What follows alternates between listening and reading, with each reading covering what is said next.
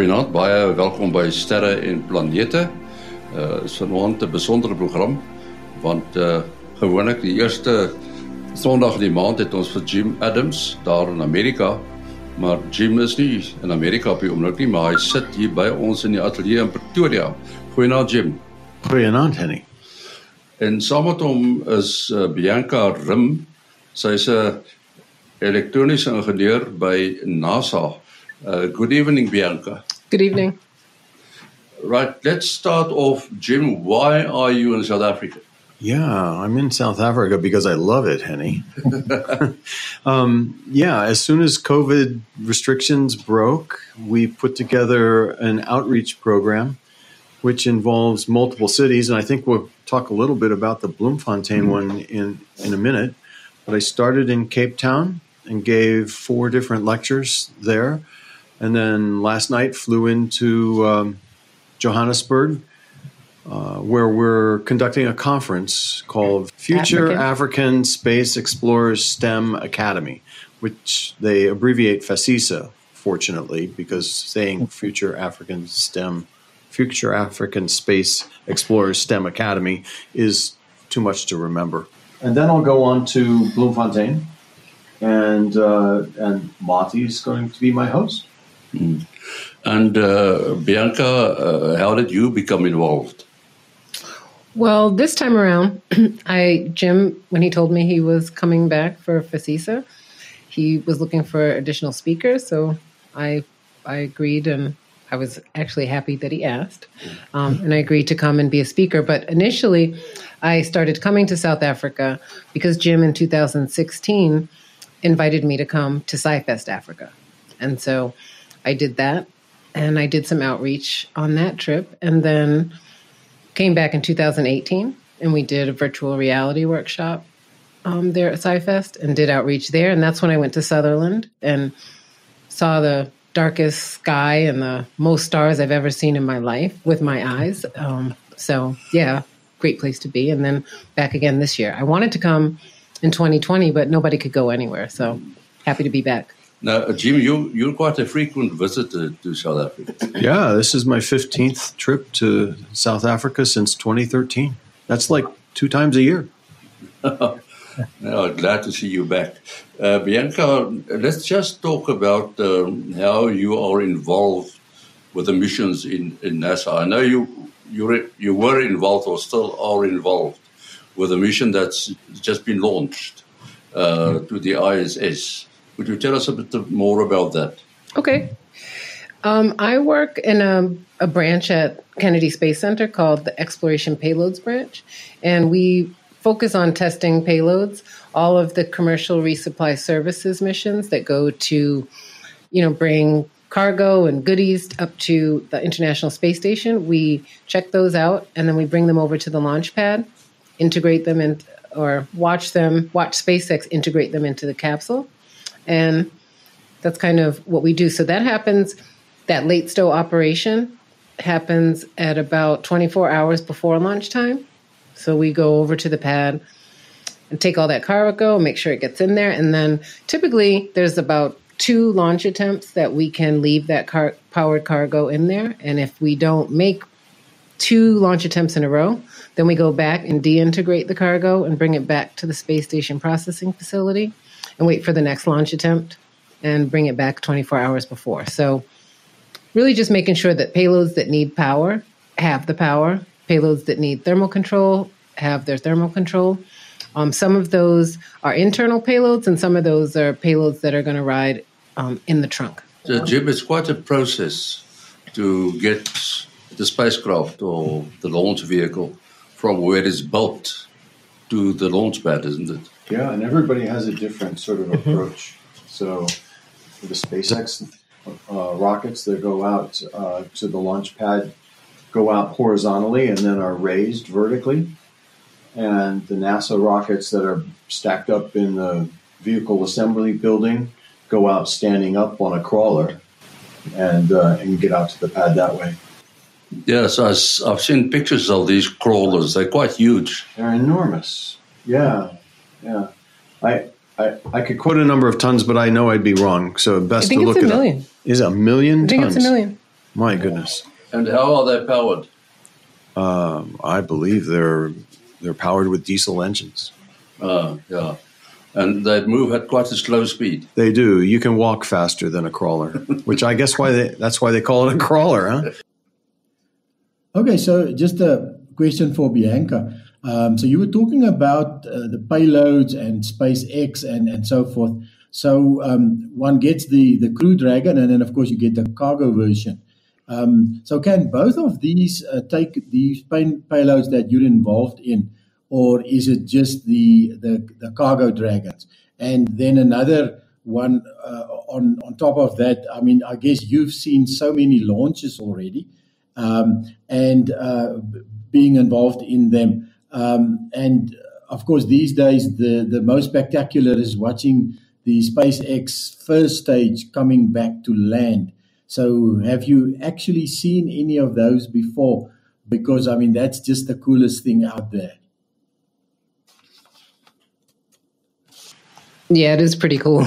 Um, I have seen it come back a few times, and we never. I've never seen. I've never seen it go wrong. I'll say that. So they're doing yeah. awesome, getting it up, getting it back. Um, it's interesting. You know, about it comes back about eight minutes after the launch. So, you know, typically, I mean, I don't. People who work at Kennedy Space Center for 30 years, everybody goes outside and watches a launch when it happens, and everybody waits outside when they're going to bring that booster back. So it's interesting and you know we all hear you know the sonic boom as it comes back yes. and feel it yeah. and yeah. It's awesome. yeah, it's like a reverse launch that, mm-hmm. that can never go wrong.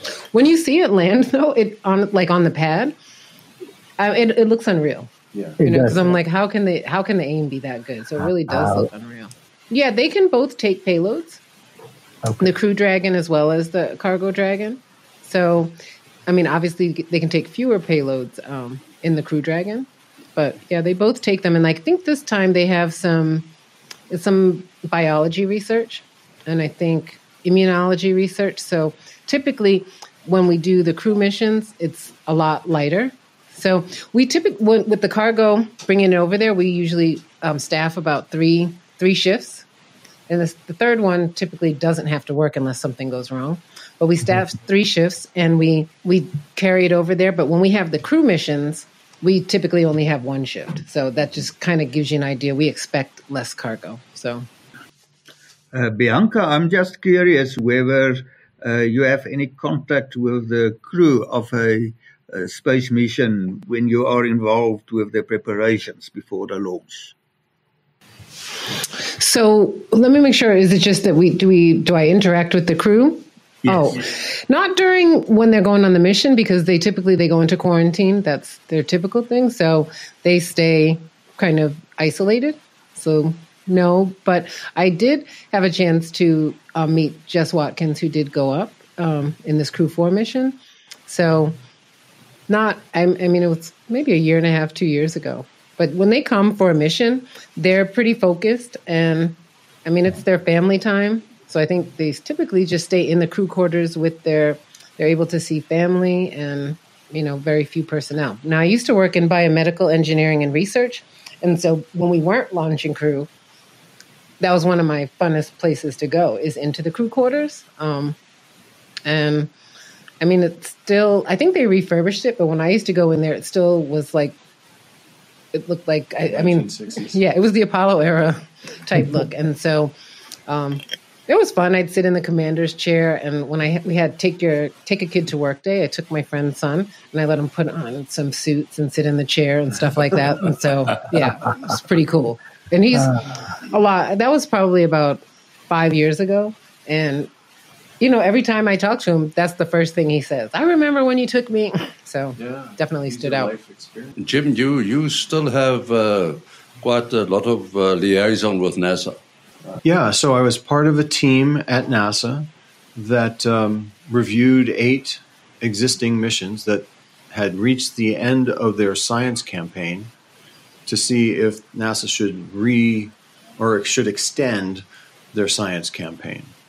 Um, usually the answer is yes, because you're already at Mars or you're already at Jupiter. Um, and so, but the the point of the committee is to make sure that they're studying the right science and they haven't made any mistakes in terms of management and technical th- sorts of things. And so that was announced uh, just last week. Um, and so missions like Juno have now been extended. The Perseverance and Curiosity missions have been extended. Those sorts of things.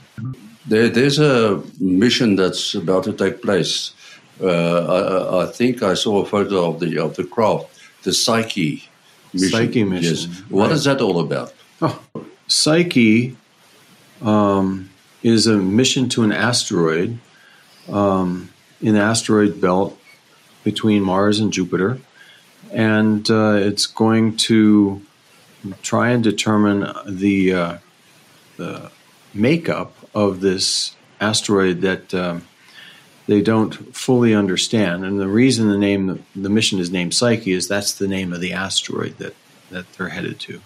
It uh, appears to be a nickel iron core.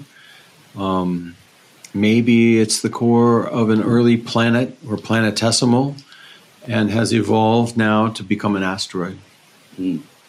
Uh, interestingly, uh, how do they choose, uh, before, for instance, to go to, to Psyche?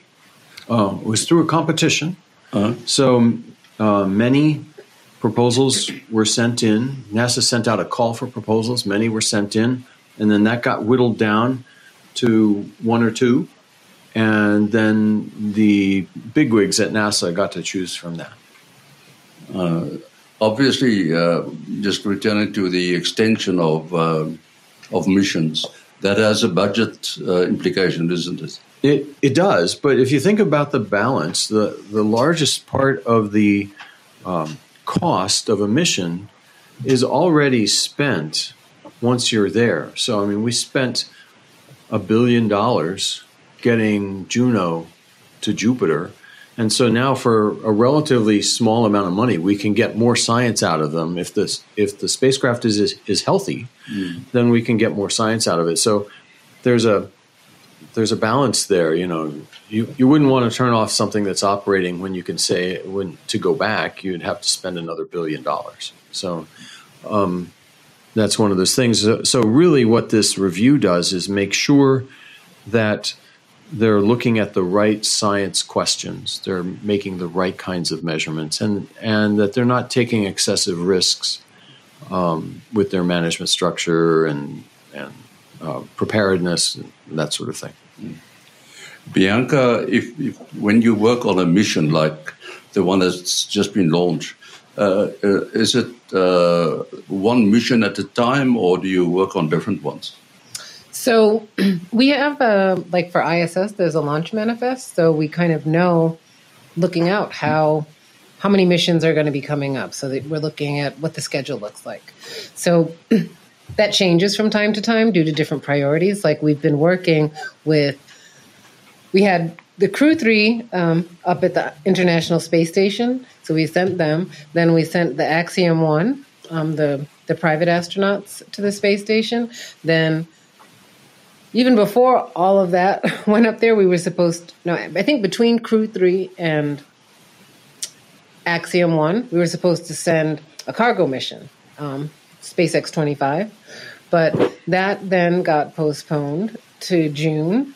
And then we have the two capsules, uh, Dragons docked at ISS, and we want to send the Crew 4 mission. So we start to get into a logistics issue because we need Axiom 1 to come back before we can send Crew 4, and then we can get through Crew 3. So um, we had troubles with delay. You know, it's pretty precise. So we had troubles with delays of getting some of those back. So it pushed things back a little bit, and it seemed tight for a week or two, but just kind of hold tight and then.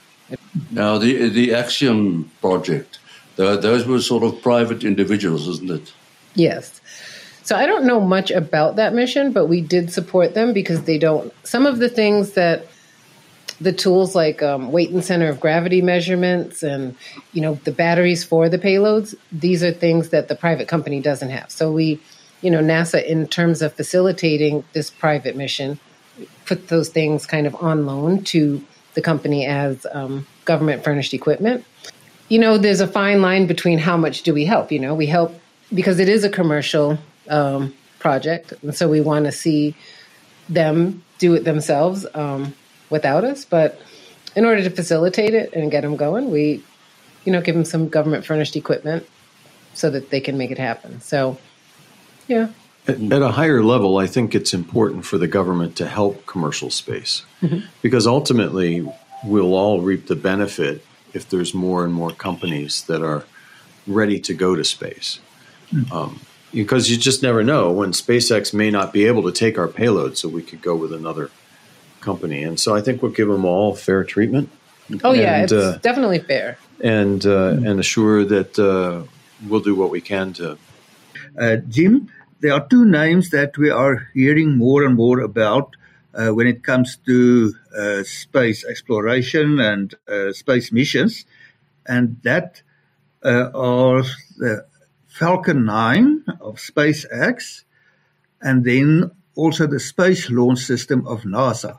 What will be the role of each of these um, in all these endeavors? So there are requirements. So I mean, the Space Launch System is an enormous rocket designed to push things to the moon.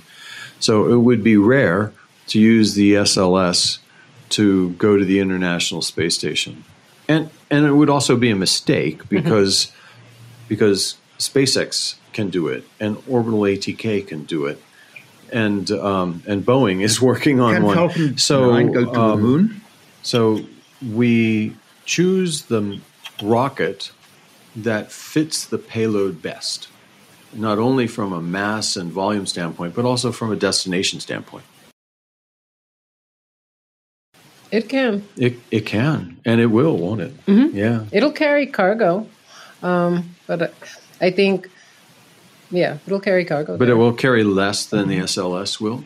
Right. So if you're carrying a big, heavy habitat, for example, or or some big uh, like the Gateway Station, will probably need an SLS, whereas the Falcon 9 will carry smaller payloads that need to go to the moon. or like a Falcon Heavy can Yeah. Mm-hmm. go, or even I think, you know, when they get it all worked out, Starship will be able to do that as well. So Amazing. That's a new rocket that's in development. No, no, that's SpaceX, isn't it? Yes. yes, How, how do you compute uh, the payloads, uh, the, the, the weight? Because it sort of changes when you go away from gravity, isn't it? So we they have requirements on what each payload developer what their weight and center of gravity measurements are supposed to be. So then they bring them in, and we have a, a, a weight and center of gravity, you know, scale basically. And so then we, you know, organize it, configure their payload on there. So they configure their payload inside of their, um, we call them lockers. So it'll be inside of a locker, and then they need to position it so that they have their mass and their center of gravity um, where they where it's supposed to be, and then they bring it in. We measure it to verify. So. Yeah. And also at at a higher level, the spacecraft or the the rocket manufacturers have curves. So if you want to send um, a payload to say low Earth orbit, the rocket can carry so many kilograms. And if you want to send that that same rocket to say geostationary orbit or geostationary transfer orbit, then the rocket needs to use more fuel, which means it can carry less payload. And and so it'll the curve will tell you uh, based on the altitude you want to go to how much payload you can carry. And then when you get onto things like translunar injections, trajectories to the moon, um, then there are, there are curves for that as well. So there are systems engineers that have to understand all of these things. Uh, but that's exactly right. The further out you go, the less payload a rocket will carry compared to what it could if it was just going to low Earth orbit. What percentage of the total mass of a rocket is the payload? And how may that be affected by um, the distance of the journey and how fast the journey will be? There's that. There's a lot that goes into that too, because then you would think. Well, it depends how long. Let's say you wanted to, if you wanted to get to the moon really quickly, then you're going to need more fuel and you're going to need be able to take less payload. But if you could wait longer, 30 days or six months, then perhaps you could take more payload and um, so you because you wouldn't need as much fuel. So it depends, and then yeah, so you kind of have to match all the parameters and kind of get the right mix. I think in order to get your cargo or your payloads to the location you want to. Uh, question for Bianca. Uh, so Jim just mentioned about kilograms. Um, but uh, when one listens to launches, you hear about pounds and miles and so forth uh, that they use for measuring thrust and distance and so forth. Um, so, do you work in metric units or a mixture of metric and imperial? Uh, of course, we know that there was a bad space accident a few years ago when they mixed up the metric and imperial units. We work in kilograms for you know, for our payloads. And even just when we look at what um, our, a launch vehicle, how much what it can carry, it's it's done in kilograms. So I think yeah, that mistake, those mistakes have made it clear that we just need to be consistent with. uh, Bianca, I've been thinking quite a lot about the following. Uh, we can imagine that a very big team of engineers are involved in the total process from the time of design of a rocket, uh, it being built, preparations for the launch, and the actual operations of the mission itself. What does the mix of I don't know all these engineers look like? Say the percentage of uh, those who are electrical engineers and mechanical engineers and rocket engineers, whatever engineers may be involved Oh, the numbers, so I can only see what my tell you what my perception is. So I definitely pay more attention when people are electrical engineers because we have that in common. Excuse me, but I also notice that there are a lot of mechanical engineers, um, and some of the most difficult problems in space, I think, are solved by the mechanical engineers, particularly you know the thermal uh, control. So that's a big deal, um, and then the orbital mechanics. So all those there's a lot of mechanical people, I'll say that. And then the systems engineers, uh, there are lots of those as well. I don't work with as many systems engineers closely, but those are the people that are actually making sure that the projects that we work on, you know, are moving at the pace they're supposed to and that it's all going to come together in the end. So I can see that you know, I always say I don't want to be a systems engineer, but I want to bring systems engineering thinking to my work um, because they think about the big picture, and you know, I think that's important. So. Yeah, yeah. and and you know, just to run down the, mm-hmm. the list, I mean, there's propulsion engineers, there's engineers that understand about the fuels that are used and how to load them. There's RF communications engineers.